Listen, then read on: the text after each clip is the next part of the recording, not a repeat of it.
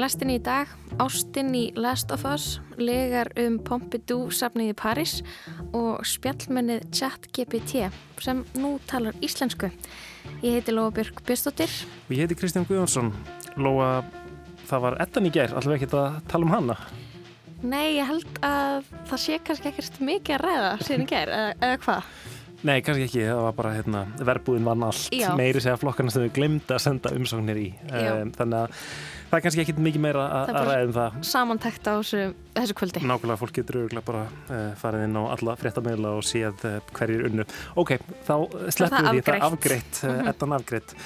Uh, en það er ímislegt gott í þættinum. Um, Jóhannes Ólafsson ætlar að koma og vera með einslag fyrir okkur um, um uppvakninga þættina Last of Us. Uh, Þættir sem hafa notið mikill að vinsalda um, undarfarna mánuði byggja á uh, samnefndum tölvuleik sem gerist 20 árum eftir heimslit vegna óhugnarlegar farsóttar sem breytir fólki í blóðþyrsta zombia. Það er svona sveppur sem leggst á fólk og breytir í zombia. Þú mun sjá þetta? Nei, ég hef ekki séð þetta. Ekki heldur. Mhm. Það er ágætt að Jó, Jóhannes komi og, og taki þetta fyrir okkur. Hann ætlar að spjalla við eh, Hildi Knútsdóttur Rítvönd og Baldvin Albertsson hjá Vitar Games. Já, og svo fáum við sendan pistil frá Krislinni Dís Ingilínadóttir sem stoppaði í París á leiðsinni til Nairobi á hvað að kíkja á Pompidou-safnið, safn sem hún hefur mælt mjög oft með en aldrei farið á. Ok, aðeinsvert, hlökkum til að heyra það. En við ætlum að byrja á einhverju allt öðru. Lóa, þú ert búin að vera burtu í allan dag, einhvers staðar uh, út úr húsi. Hvað ertu búin að vera að gera? Já, ég kíkti svo satt niður í grósku í Vassmýrinni á uh, fundin Framtíðin svarar á íslensku. Þetta er satt, uh, viðbyrður sem að íslenska menningar og viðskiptaráðaneti stendur fyrir. Tilefnið er svo sagt nýtt samkómulag sem náðist við hugbúnaðfyrirtæki OpenAI um að íslenska yrði annað tungumál spjallmenni síns ChatGPT. Elsa Maria Guðlöks Drífudóttir útskýrði þetta í fréttum RÚF þann 14. mars. Heyrum þess að frétt. ChatGPT er svo kallað spjallmenni sem að bandaríska fyrirtækið OpenAI gerði aðgengilegt almenningi í nóvumber í fyrra.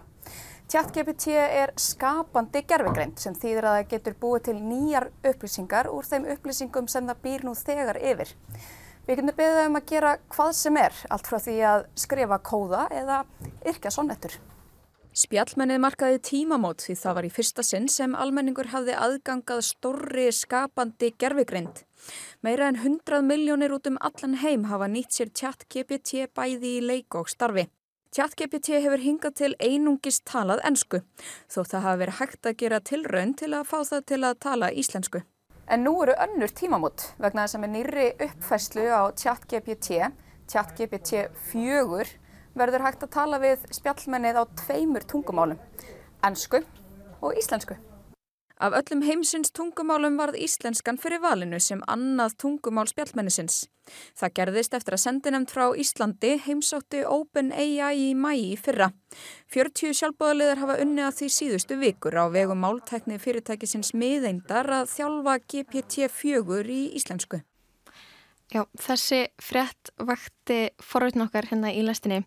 Sko, ég ákvaða að prófa ChatGPT á íslensku. Einmitt. Uh, byrjaði á því að byrja það um að skrifa lýsingu á útvarstætti sem fjallar um það að ChatGPT tali núna íslensku. Ok, hvernig kom það út? Um, titill.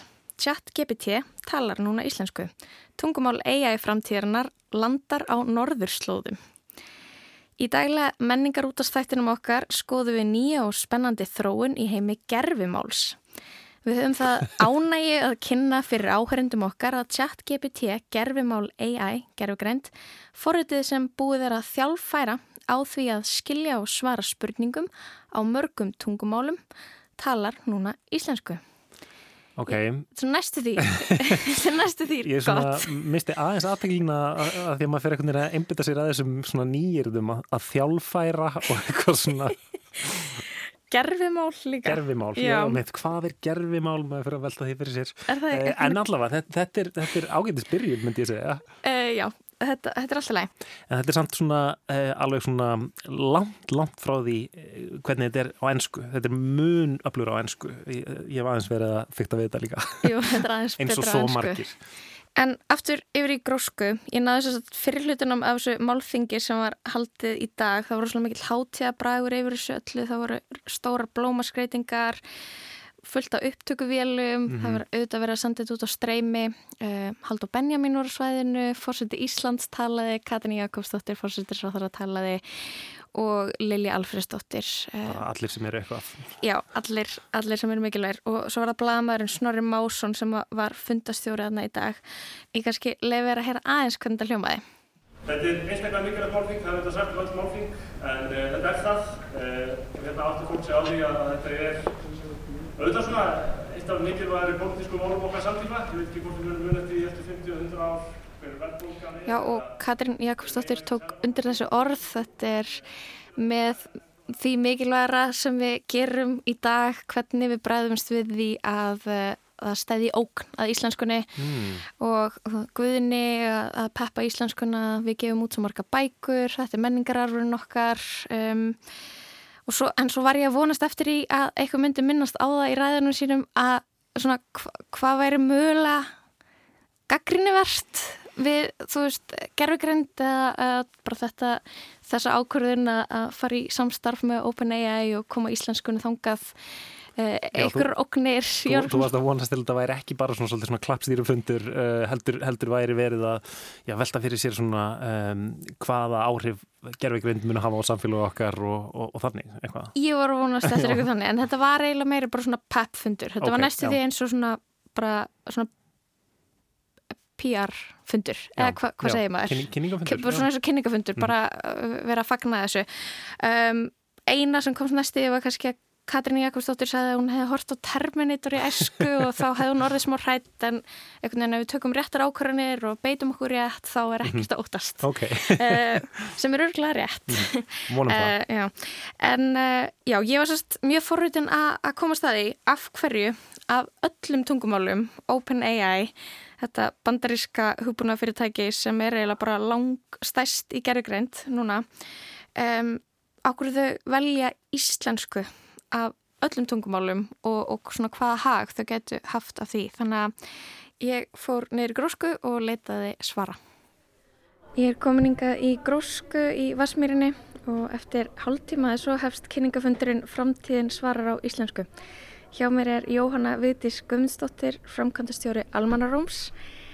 Um, í síðustu viku var tilkynnt að íslenska er þið annað tungumál spjallmennisins chat GPT og það er meðal annars eitt af því sem við rættum hérna í dag. Getur þú sagt mér hvernig þetta kemur til? Já, undanfærin fjögur ár þá höfum við, þess að tjá Almanarómi og rannsóknar og þróunarhópi sem heitir SÍM unnið að því að búa til innviði fyrir íslensku. Það er þess að hérna svona máltækni innviði sem hægt er að nota þá til þess að tryggja að hægt sé að nota íslensku í svona stafrætni tækni og öllum þeim löstnum, hvort sem að það er þjónustæð eða vörur eða hvað og, og samstarfi við þess að OpenAI kemur til að því að að fósetti Íslands, hann hefur unnið mjög náðu með okkur hérna hjá Alman Rómi allan tíman undan farin fjögur ár og svona haldið vel utan á um þetta verkefni með okkur og hann sagt, uh, leiðir þessa sendinönd til bandaríkjana sem er farin í þeim tilgangi að sjá til þess að, að þessir innviði sem að búið að smíða hér mm. að þeir verði ekki bara smíðar hér og geimdir hér og ekkert gert með þá heldur að verði notaðir í þeirri tækni sem fólk notar almennt dagstaglega. Og það er ákveðin leikil að þeirri framkvæmda áallin sem við heldum að stað með í upphafi, fyrir fjórum árum síðan að ekki bara láta smíða hlutina heldur að tryggja þeir væru notaðir. Og ég menna við notum veist, við notum alls konar síma veist, við erum farin að tala eh, við erum farin að spyrja chat GPT að alls konar hlutum og, og hérna og grunnurinn að því hafa náttúrulega verið þessi GPT 3 og svo núna 4 gerfugreindar málikon og það að koma íslensku sérstaklega inn í GPT 4 sem að síðan er svona grunnurinn að uh, chat GPT það uh, skiptir svo miklu málegna að þá getur þú haft hérna samskiptin, þú, veist, þú getur spurt spurning á íslensku, þú getur fengið svör á íslensku. Og, og hérna ef við erum þá sjáum til þess að það sé hægt að nota íslensku á öllum sviðum daglegs lífs, þá náttúrulega verður tungumáli til áfram. En ef það er ekki þannig þá er svona hægt á því að þetta tungumál láti undan síga. Ef að fólk er að nota önnur tungumál í skóla, getur ímyndaðar, ég menna þetta nota þú ert að leita þér upplýsingar, þú ert að skjára þér ítgerði eða eitthvað, þá náttúrulega nýtur þér er leiði sem eru færa til þess að sækja upplýsingar. Mm -hmm. og einu svona var það bara að fara á bókasafnið og, og bara grafa sér í gegnum allt saman og panta greinar einhvern veginn og millibókalánum og allt þetta, millibókasafna. Og svo náttúrulega Google sem að skila þér fullt af hlekkjum núna færðu í rauninni samantækt að upplýsingum. Mm -hmm. og við, ég menna, notum þetta öll það er bara þannig, fólki í aðtunulífinu þetta er bara leið til þess að sækja sér upplýsingar. Og svo náttúrulega metum við upplýsingarnar, við vinnum úr þeim og allt það, það er bara eins og maður gerir. Maður byrstir ekki bara eitthvað svona hlekkjasúpu skilur við þegar frá Google og sama með þetta, þetta er bara við þurfum sem notendur að, að hérna, nota þessa tækni á krítiskan hátt. Mm -hmm. Einmitt, uh, þetta er náttúrulega í þróunafasa og ég er aðeins búin að vera að tala við ChatGPT 4 talar svarar vissulega á íslensku en er ekkert endilega alveg með staðrindirnar á hreinu. Hvenar uh, hvenar má búast við að það sé hægt að nota þetta og, og gerðugreindin svar mér uh, með réttum svörum Sko í fyrsta legi þá hérna er sagt, það sem er opið núna, mm. það er hérna útgáfan sem er hefur, sagt, sem er ekki þessi nýjast útgáfa af íslenskunni, okay. þannig ef að þú, ef að þú... En ég var að nota fjögur. Já, þú varst að nota GPT fjögur og svo er yeah. tjátt GPT sem byggjur ofan á það yeah. og til þess að geta nota sagt, hérna, ísl, uppfara íslensku mm -hmm. inn í tjátt GPT þá þarftu að, að sækja þér áskrift Já, ég gerði það. Já, ok. En svo er það hitt líka að þetta er ekki óskeikul staðrendavél mm -hmm. og þessi náttúrulega, þetta gengur út af það að sækja upplýsingar á neti sem eru réttar og sem eru rángar. Mm -hmm. Bara svona eins og bækur, alla, það er ekki alla bækur sem eru gefnar út með eitthvað svona réttum staðrendum eða hérna Mm. eða réttar skilur þannig að við þurfum að sækja okkur þessar upplýsingar en við þurfum líka að vinna krítist úr þeim mm -hmm. og þetta er ekki svona óskeikul staðreinda vel en hins vegar virka gerðugreindi líka þannig eftir sem að á líður hún er nótum meira og hún er sérstaklega mötuð á þá réttum hlutum sko. Mm -hmm. ykkur sem er rétt þá náttúrulega verður hún betri. En við þurfum alltaf að nota þessa tækni krítist, við þurfum að hérna, vera gaggrínin mm -hmm. það er ákveðin líkitt líka. Við getum ekki bara slakað á í sofunum og hérna láta þetta gera allt fyrir okkur. Um, Hvernig er svo samstarfið ykkar háttað við OpenAI? Uh, og okkur, okkur veljið að gera þetta með þeim? Við komum, sko, þessi fórsetta sendinemnd var þarna bara á harfiðtun tíma. Við vorum hann í mæ á síðasta ári og það var svona áður en allt svona fór á stað og þá höfðu ekki margir heyrt um OpenAI og, og við vorum bara heppin að hérna, Sam Altman, hérna, einn af stofnendum og, og fórstjóri OpenAI, hann tók á mót okkur á samt svona skemmtilegum hópi hjá sér og þau sínd okkur bara einhvern veginn algjörlega undir húttið og bak við tjöldin og voru að sína okkur allt sem þau voru að gera. Og eru, eru sprótafyrirtæki en hafa náttúrulega sprungið út á þetta farið og núna vita allir hver þau eru og hvað þau gera. Þeim tíma var það ekki alveg þannig, en við komum og lögum í rauninni til, bara við erum hérna með tungumál, við erum með alla þessa máltakni innviði sem okkar fólk hefur smíðað. Og hérna við viljum í rauninni tryggja tilvist þessa tungumáls í framtíðinni og í stafrætni tækni uh, vil ég vinna þetta með okkur.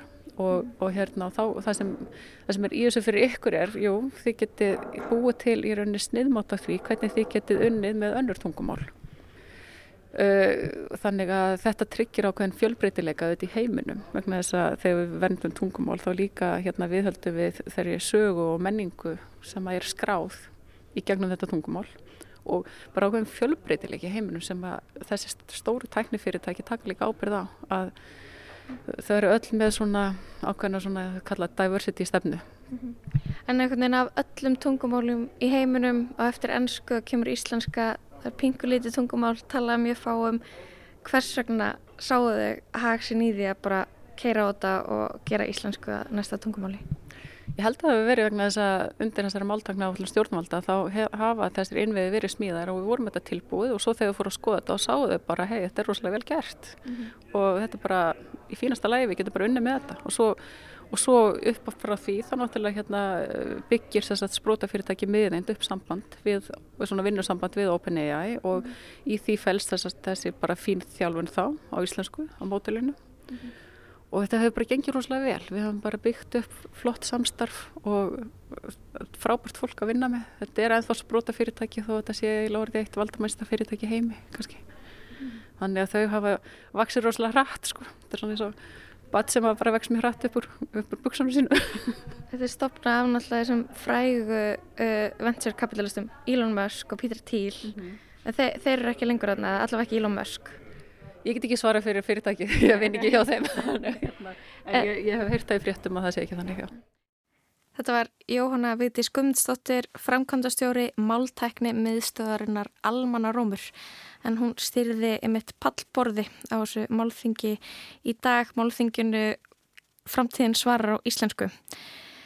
E, ég spurði þarna í lokin út í sko eigendur og, og þá sem stopnuðu þetta fyrirtæki OpenAI, ég var kannski ekki alveg mennina fullmótaða pælingu. Mm -hmm. Ég var svona velta fyrir mér uh, Elon Musk og Peter Thiel svona, þetta er svona stærst, þetta er svona ríkustu og valdamestu venture kapitalistarnir í Silicon Valley. Mm -hmm.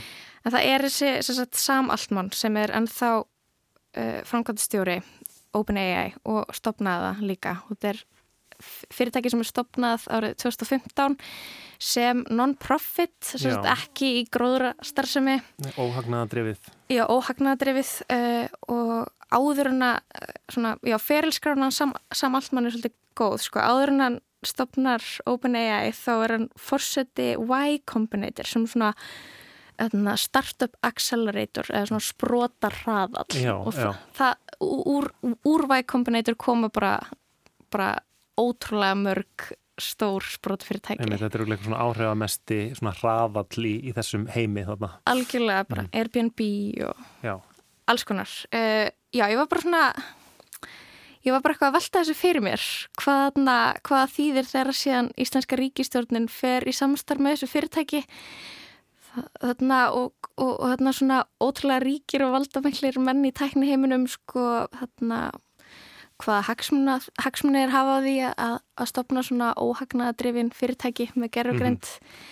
ég er kannski ekki vend með enn svör Nei, en ég bara veltið yfir fyrir mér. Já, þetta er kannski eitthvað sem er bara hægt að, hægt að velta fyrir sér og, og, hérna, og, og við kannski skoðum nánar á, á næstu, næstu vikum og mánuðum. Ég held að vera nægur tími til þess að pæla í gerfugrindin eða, eða hvað var að segja, um, ég held að gerfugrindin verði e, þema sem að mun koma upp aftur og aftur og aftur og aftur næstu mánuð og næstu ár af því að ég held að þetta sé um, og ég meina það eru auðvitað margir sem hafa talað um þetta, þetta sé einhver svona fjórða innbyltingin sem er svona mm -hmm. tísku hugtak sem að maður kannski áttast ekki alveg á um, hva, hvað þýðir en, en, hérna, en þetta þýðir auðvitað að gerfugrind er uppfinning sem er á stærð við um, til dæmis ramagnið mm. eða eitthvað þannig. Og nú erum við að fara að sjá um, nú erum við eins og fyrstu árin eftir að ramagnið kemur og það er að fara að nota þetta í fleiri og fleiri svið. Er að fara að umbylta í rauninu öllu okkar umhverfi. Einmitt. þannig að hérna, það er bara kannski eins gott að byrja að undibúa sig og, og reyna að skilja út á hvað þetta allt gengur sko. Algjörlega. Sko, hérna, en en ég var líka náttúrulega með þessa pælingu sko af hverju uh, OpenAI Open velur íslensku af öllum tungumálum og ég greip uh, starfsmann OpenAI hérna nýri grósku áðan, hún Angela Chang sem er vörustjóri uh, við skulum heyra hans brotur spjallið við hana I'm Angela Jang. Um, I'm a product manager at OpenAI and I work on deploying GPT models. Yeah, so we've been working with the Icelandic team to make sure that these language models represent, you know, the Icelandic language, but also that we can learn how to improve these models on low resource languages or languages that might not be as represented in our data sets without, you know, intervention so that we can do this for other languages too.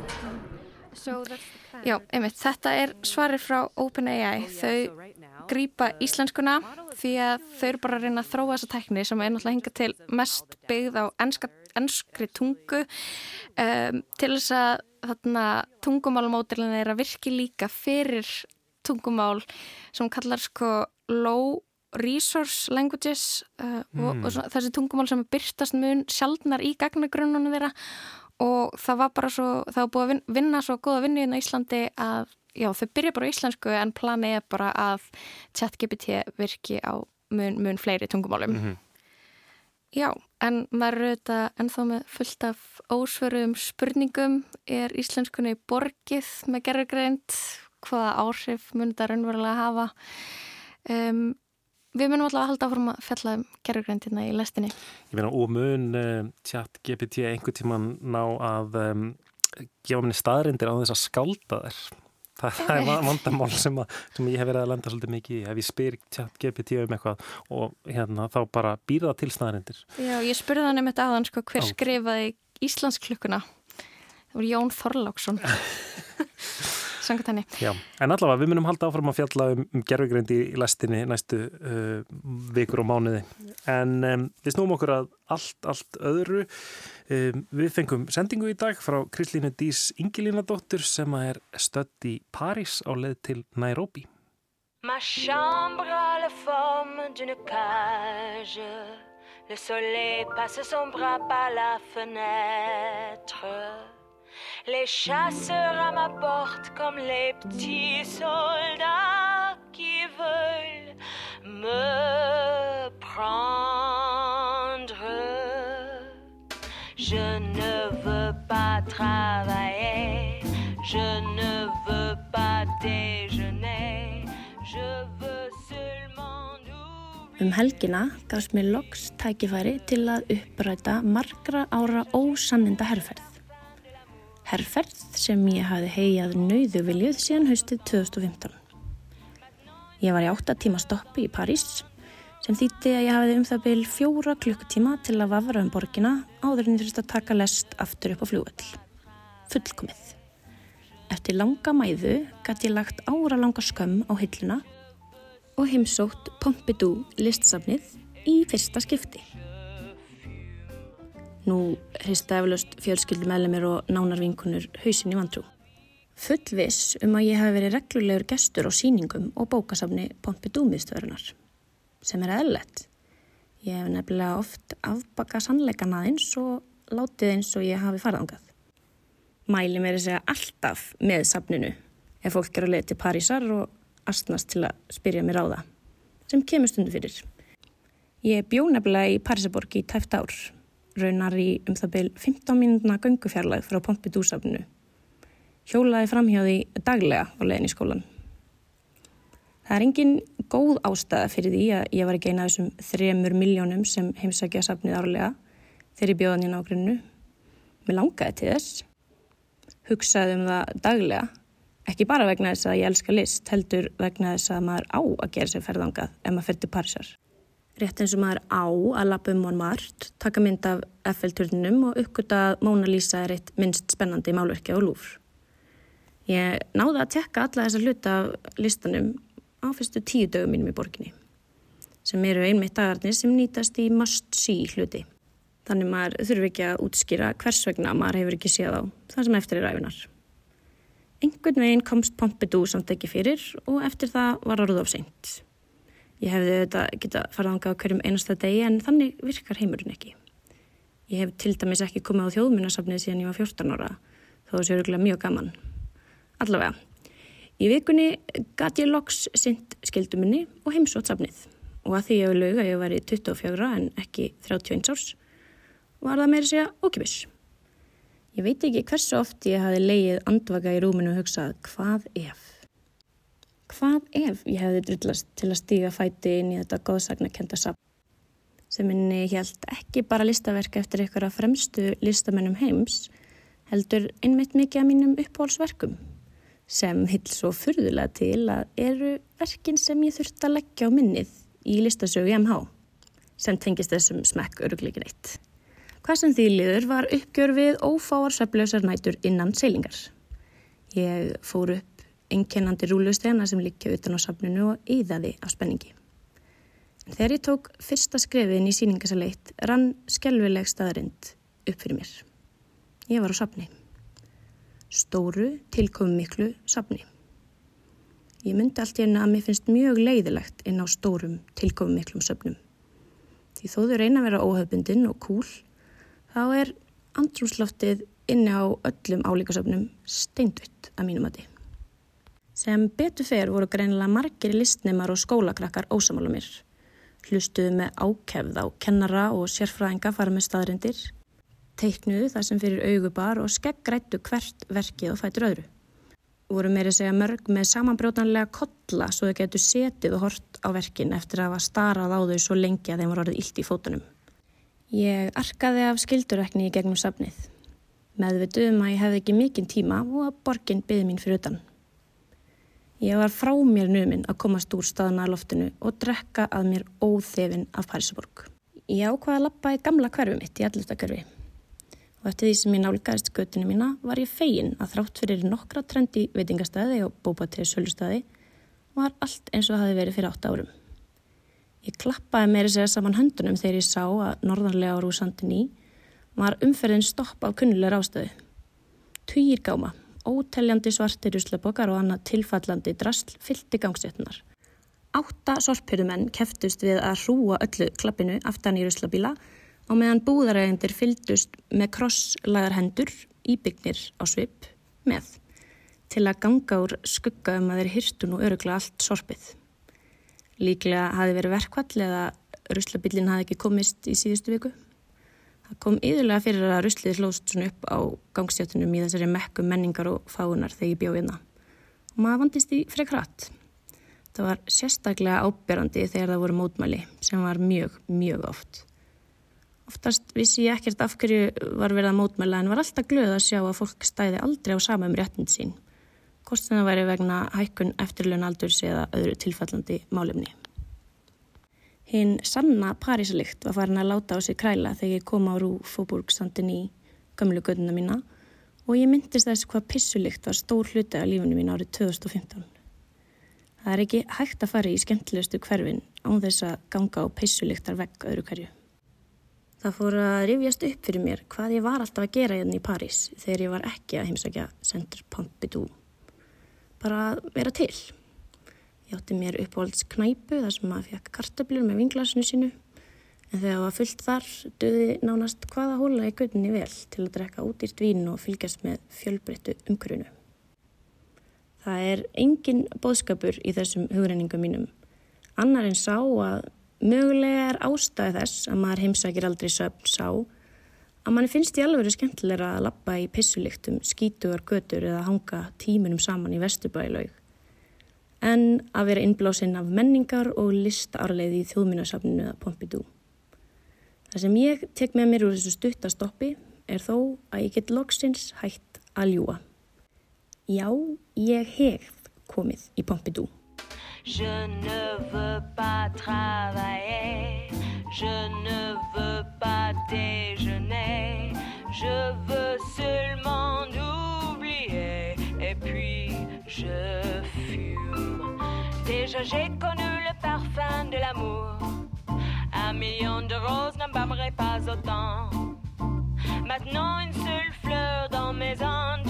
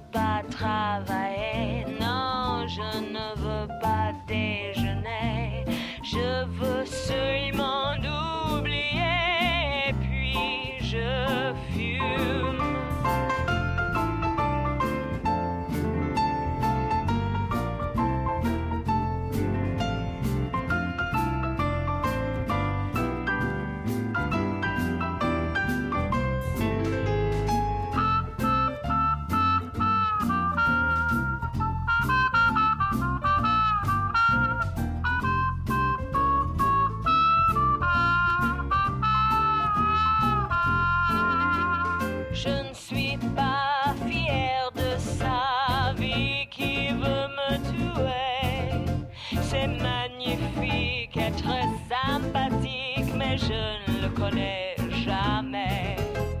Je ne veux pas travailler, non, je ne veux pas déjeuner.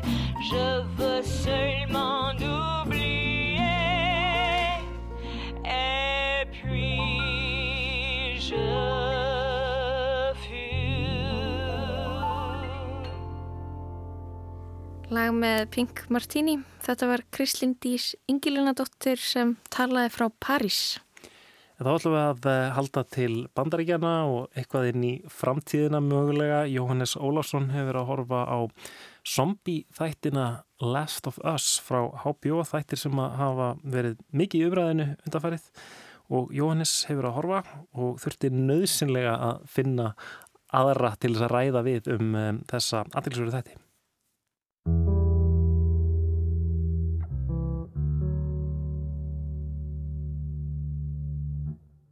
Borgin er í rúst, búin að vera það lengi. Háhísi í miðbænum hefur hálf hrunið og liggur utan í öðru háhísi. Jarðvegurinn hefur sumstaðar gefið undan, vegir er í sundur og upp úr malbygginu sprettur græn gróður. Þetta er ekki lengur manngert borgarlandslag sem við þekkjum svo vel og náttúran hefur gjörsamlega tekið yfir á ný. Og það er einmitt náttúran sem hefur nær gert út af við mennina. Framtíð mannkins blaktir á skari og aðeins örfáir eftir lifendur virðast vera eftir skelvilegan smittsjúkdóm, sveppa faraldur, herrkilvinga sem hafa tekið yfir heiminn. Þeir taka yfir stjórn mannslíkamanns og gera þá að skinnlausum skeppnum sem ráfa um þessa nýju heimsmynd. Ég er að lýsa í stuttumáli sögusviði sjónvastáttana The Last of Us úr framleiðslu HBO en þessari þáttaröð í nýju hlutum Þættirnir eru byggðir á samnemdum hrollvekju tölvuleik úr smiðju Naughty Dog og var gefin út af Sony fyrir Playstation fyrir einmitt tíu árum. Leikurinn varð strax mjög vinsæl og Hann er það sem bransimundurinn kallað ennsku instant classic. Hann er strax rosalega miklu fylgi. Þetta er Baldvin Albertsson hjá tölvuleikja fyrirtækinu Vitar Games. Hann er einn af þeim sem hefur fylst með The Last of Us alveg frá því að tölvuleikurinn kom út og ég spurði Baldvin hvaða er sem gerir þennan leik svona hillandi. Hann breytir svolítið miklu vegna þess að tölvuleikin með sögu sem heitir ennsku narrative driven, hann að saga, það eru karakter og það er karakter þróun eins og við sjáum í kvikmyndi og, og kvikmyndum og sjónabri. Það er alveg til þannig leikin, það er engin leikur í rauninni sem tekur þetta alla leið og er rauninni að miða sig við, að mér finnst við bara, við ætlum að búið tölvuleik með sögu og karakter sem er á pari við bara stærsta sjónvarp og bíó sem nýmið sér sem er svona tilfinningin sem hann fekk frá framleiðundum þróun sem framleiðu leikin sem heitir Naughty Dog mm. þeir hefði gert leikin svo Uncharted sem eru frábæri og ímyndaðir það hefði þú veist getið verið frábæra aksjónmynd einhver svona mynd sem myndi slá í gegn sumarmyndin hann eitthvað árið skilur svona klassískar bara eins og Indiana Jones eða eitthvað hannig en, en Last of Us er bara eitthvað allt annað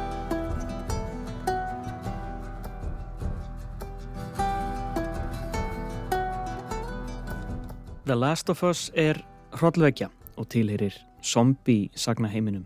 Sagan í þáttónum hefst árið 2003 þegar heimslit verða vegna óhugnulegar farsótar, sníkju svepp sem herjar á mannkinn og leggur allt í rúst. Það sem er gert strax í upphafs atriði þáttana og gerir þetta allt saman sérstaklega óhugnulegt er að um raunverulegt fyrirbæri er að ræða. Það er að segja að það eru til sveppir sem að haga sér á þennan hátt að taka yfir sjálfstæða hugsun lífera, til dæmis skortýra og nota þau sem hísil til þess að dreifa sveppagróm. Í atriðinu sem gerist laungu áður árið 1968 rögræða vísendamenn í sjónvarpsal um það hvaða er sem getur valdið heimsfaraldri sem útrýmir mannkynni og hvort það verði veira eða bakterja. Annar þeirra tekur þó orðið og segir að það verði kvorugt. Það verða sveppir. And uh, Dr. Newman, you're also an epidemiologist. I presume the prospect of a viral pandemic keeps you up at night as well? No. No? No. All right, well, that's our show. no, mankind has been at war with the virus from the start. Sometimes millions of people die, as in an actual war, but in the end, we always win. Uh, but you, uh, just to be clear, you, you do think microorganisms pose a threat? Oh, in the most dire terms. Bacteria? No. You like saying no? Yes. not bacteria, not viruses, so. Fungus. Yes, that's the usual response. Fungi seem harmless enough. Many species know otherwise because there are some fungi who seek not to kill, but to control. Let me ask you. Já, sko, í fyrsta lagi þá var ég pínu hissa að það væri stemming fyrir svona þáttum núna eftir COVID því maður er búin að heyra svona marga talum að veist, það sé ekki tími fyrir eitthvað átbreyksögur núna og eitthvað svona. Þetta er Hildur Knútsdóttir, rithöfundur, sem er vel að sér í heimi hrollvekja og skrimsla. Hún segir að efni þáttana sé bara rétt ný orðið þólanlegt. Og kannski ef þetta hefur komið út fyrir ári síðan þá hefur þetta verið of snemt sko en það var sannlega stemming hvernig sem núna sko. Um, já, og ég er búin að horfa rosalega mikið á svona þáttum og bíomöndum en það sem að mér þessi þáttaröð, hún hefur ekkert rosalega mikið áhuga á zombjónum eða sveppa fólkinu, mm -hmm. þú veist og þau eru henni sjást bara voru lítið þarna í, þú veist, hvað sístu fimm þáttunum eða eitthvað. Þannig að það er einhvern veginn algjörlega í bakgrunni og það er fókusað á fólkið og það er svo sem ekkert uh, þetta er svo sem líka gamalt minni í svona þáttum að veist, alveg skrimslin eru kannski fólkið líka sko. En persónlega, ég hef verið til að sjá meira af sveppafólkinu sko. Einmitt, þeir hafa verið svolítið gaggrindir fyrir hérna, oflítið af, af skrimslum Já, veist, og ég elska skrimsli og mér langar að sjá meira veist, og við fáum að sjá hérna, nokkar típur af þeim, þú veist, eitthvað klikkars og, og hérna og svo líka hérna, þú veist, svo var eitthvað resa stór hérna sem spratt upp úr jörðinni veist, mm. og það var eitthvað, það var lítið útskýrt og mér langar, þannig að persónlega langar mig að sjá svolítið meira af skrimslum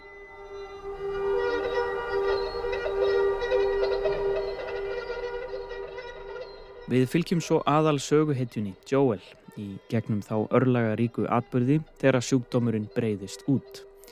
Joel á samt dóttur sinni Söru og bróður Tommy nær að komast undan við raman leik, en dóttir hans verður fyrir skoti og deyr.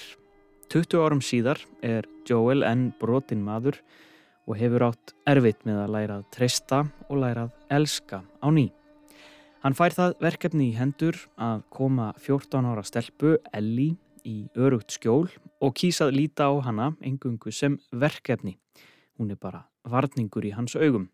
En smám saman farað myndast tengsl og sagan er að miklu leiti um það hvað við gerum fyrir ástina, hvernig við bregðumst við þegar slíku sambandi er stopnað í hættu og hvað við erum tilbúin til að gera og hverju myndum fórna til þess að vernda ástvinni okkar.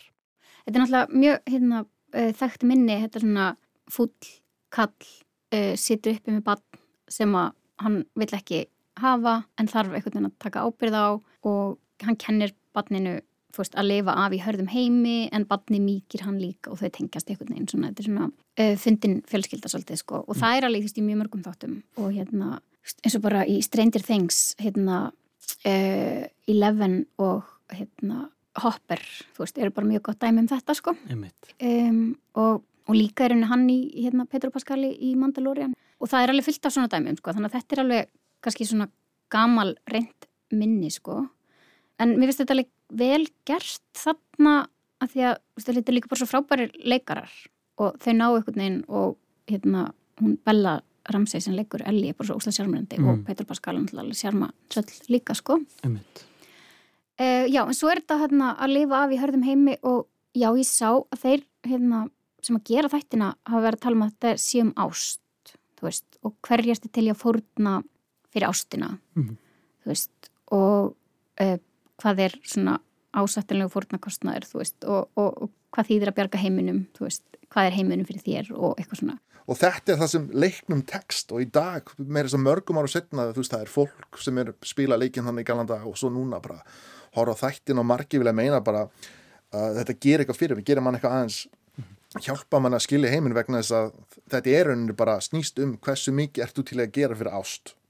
Hversu mikið ert þú bara að leggja á þig til að bjarga þeim sem þið ekki væntum og það stór merkilega við þetta nú er allir komið tölvuleik sem er einmitt sem margir ennþá í dag halda ennþá séu bara börn og ungmenn að spila en rauninni er meðalaldur tölvuleik að spila í dag og meira nær 30 og ofar sko. Þetta hefur breyst mikið. Og nú allkinu, einmitt, er þetta hínu leiðinu gegn, allkinu er bara tölvuleikur. Þannig að nú spyrum maður hvaða leikur verður næst breytt í, sjónvarpið bíó en ekki öfugt. Mm. og það var margi gert undir farið The Witcher leikinir sem eru byggðar á pólskum hérna, ævintýrabákum sem eru frábærar. Pól Studio sem heitir City Project Red. Netflix setti þetta í gang eina sériu og er önnur á leiðinu og það er margt ágætt þar.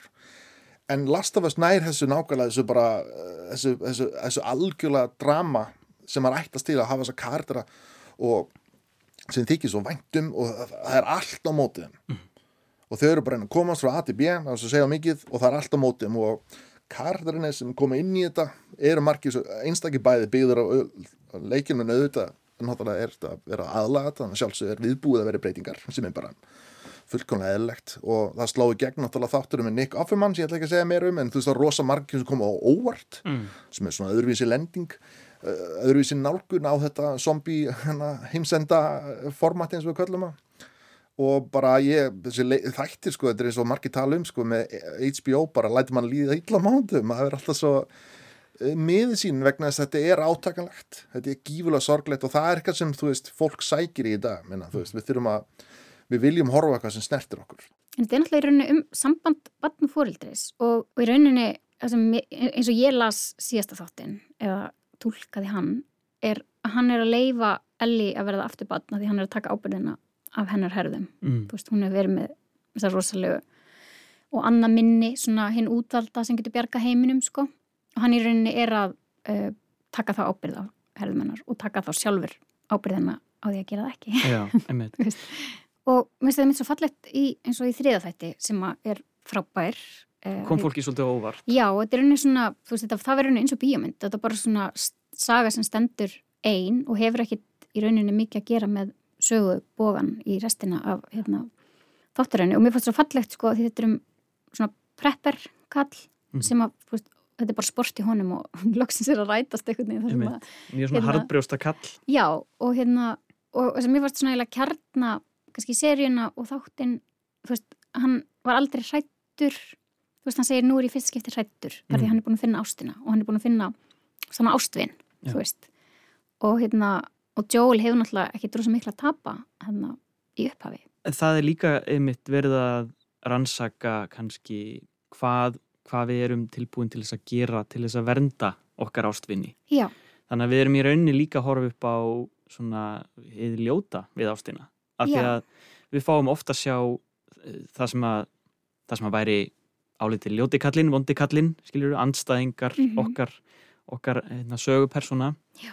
En við sjáum oft hvernig þau lifa sínu lífi áður en við sjáum þau sem vond fólk. já, Og þau eru oft bara að vernda sína, sigur já, sína. einmitt eins og hún hérna sem er leiðtögi andspyrnum hreyfingarinnar, hérna, þú veist, fyrst er hún okkur finnst hún vera bara vond kona og eins og sjáum við, hún í rauninni er að þú veist, reyna að losna við fasista, þú veist, Mhm. hérna en þetta er líka, þú veist, maður er oft hugsa eins og bara að hljóta fleiri en ég að hafa spurt sig, þú veist, hvað myndi ég gera ef ég hef verið búið í Þísklandi á tímum nazismans, þú veist Já.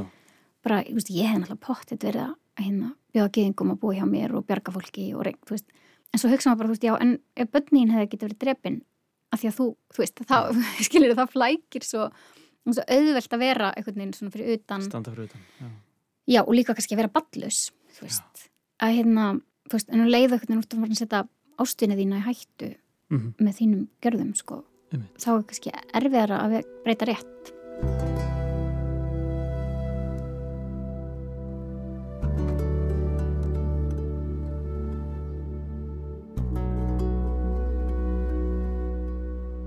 En, en mér langar samt að spurja um sko, tölvuleiki sko, og, hvað sé mögulega framundana því að það er búið að vera uh, bras að, ko að uh, koma góðri aðlugun á framfæri. Nú verðist vera komið eitthvað svona, ok, þetta er hægt og það er að gera þetta svo vel að það bara allur heimurinn verðist vera einhvern veginn að horfa. Er framundan eitthvað svona betra tímabil í þessu að taka þá þú veist, verða, munum við sjá fleiri sjómanstætti sem bara taka hérna einhverja fræga tölvuleiki og heyrðu, við getum gert þetta betur, við getum tekið þennan tölvuleik og gert þetta flottir sjómanserju. Ég held samt sko besta svari er bara góð saga er góð saga ef það er góð saga og einhvers sem hefur ítök og reynslu til að taka lengra sér það og næra að bæra kjensla þetta er góð saga, ég veit að fólk vil heyra. Mm. þá held ég að skipta ekki máli að þetta koma úr töluleikjum eða teknumundisögum eða hvað annað. En það sem er svona mesta byltingin with Last of Us er að nú er og þetta er það sem við veitum í innan lengi sem við hefum gert markasforkananir og skoða markaðin og lesum allt er að núna er þessi stimpill, þessi ungaði stimpill að leikiðinanum er að breytast og fólk er að fatta að nú er bara það er orðið bara jafn, jafn, mjög mikið konum í bandarinn sem vilja töluleiki eins og menn en rosalega margir halda ennþá að töluleika unnöndu séu bara einhverjir einhverju svona, já, svona mistróska menn á 20-35 ára sem sitja bara heima í kjallanum með mamma og pappa að spila. Og þetta er það sem er að breytast og þetta er byltingin. Vegna þess að við erum með sögur sem kemur úr töluleik og líka aðeins muni eitt af kannski fólki í Notodog hafði örgulega mikla draum og ólst uppi að horfa á alla bestu kvíkmyndir sem þú hefur séð. Hugsa einn daginn ætla ég að gera geggja handrit ég ætla að gera geggja bíómynd. Finna sér í töluleikabransanum að ná sömu markmiðum þar. Mm. og hei, það kostar rosamikla peninga og tíma og mikla nattnið ást til að gera eins og Last of Us. Um, væri það ódýrara sem kvikmynd? Hugsanlega, en það er samt mikil vinna að endur gera Boston eftir he- heimsendi þú veist, 2003, en gera þið töluleik, þá ætla það ekki að smíða alltaf grunni, en þú þarfst að sannlega hann alltaf grunni, Já. það eru bara mjög svipuð, svipaði miðlar. Og fólk er sama hvaðan kemur og hvað það heitir það kunna allir að meita góða sögu. Það er bara aflið sem er búin að keira okkur áfram sem dýrategund, það er ástæðan okkur við erum og stjórnum þessar jörðu sem hættulegsta dýrategundin. Og það erum við, mannkynnið og við elskum góða sögur, það er bara svo einfalt.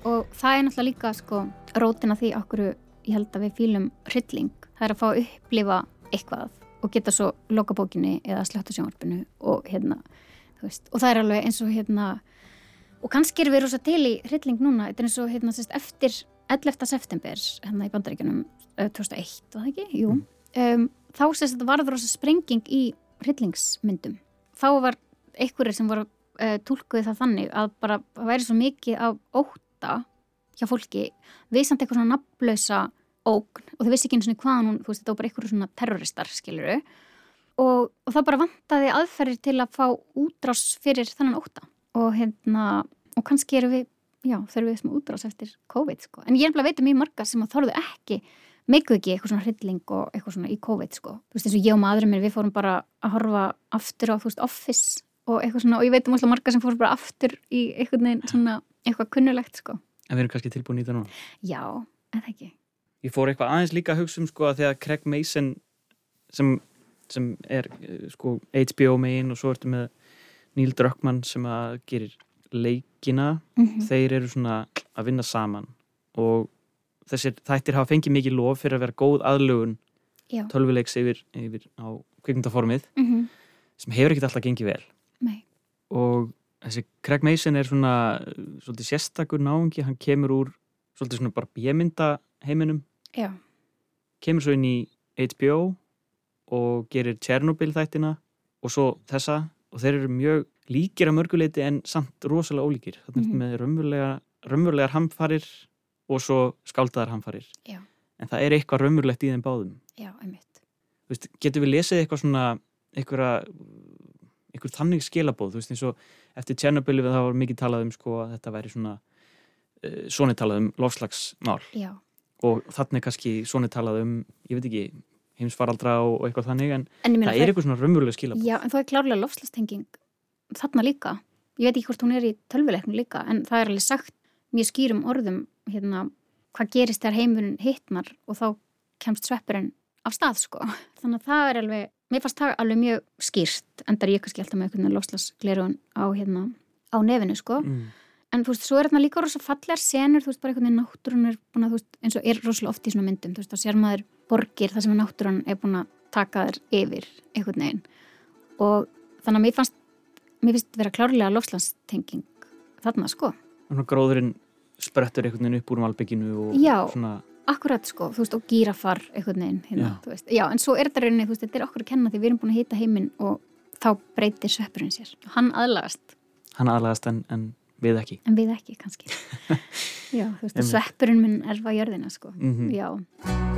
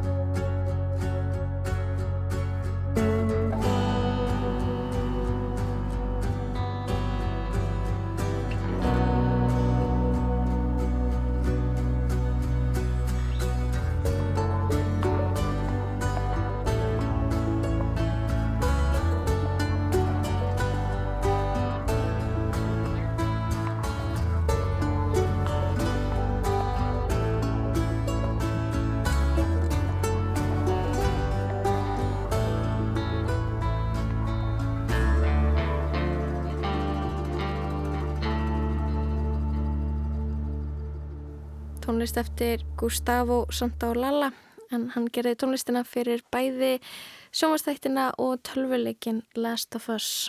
Einmitt, síðasti þáttur kominn af þessum vinsælu sjónastáttum og um, já, þær fréttir hafa borist að önnur seria sem byggir á leiknum eh, verði framleitt. Eflust margir sem glæðast yfir þeim fréttum. Nákvæmlega, það var Jóhannes Ólásson sem að fjallaði svona eiginlega um ástina í þessum eh, zombie þáttum, uppvakninga þáttum rætti við Hildi Knúsdóttur, Ritthöfund og Baldvin Albertsson hjá Vitar Games. Hann er Já. mitt búin að vera að tala um það í marga vikur síðan hann byrjaði að horfa Já. að þessi þátt, þættir fjalli í raunum ástina. Einmitt, hann hefur verið eiginlega friðlaus Jóhannes þannig að hann fjekk að gera það dinslæg.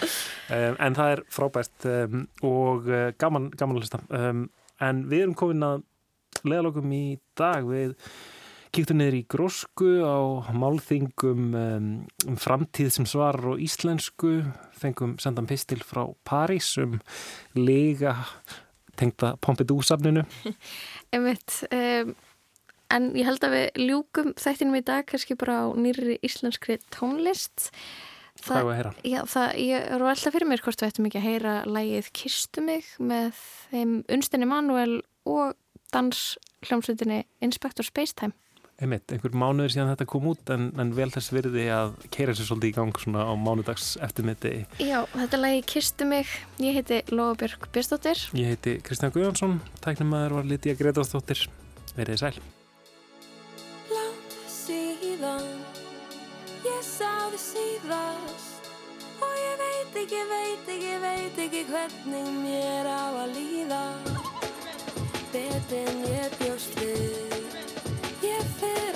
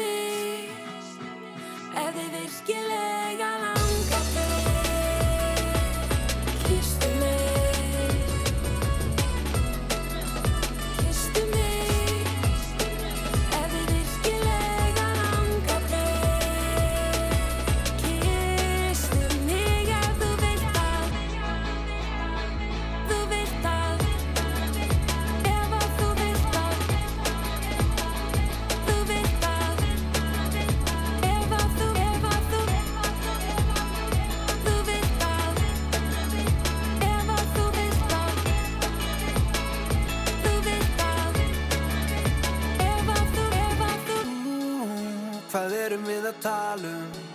Eigum við að skilja við sárin hér? Ég var að gráta um mér augun inn á klósetti Því ég vildi ekki að þú sægir mig Skipti mér í dansgófi Þegar ég með opin aug á miðri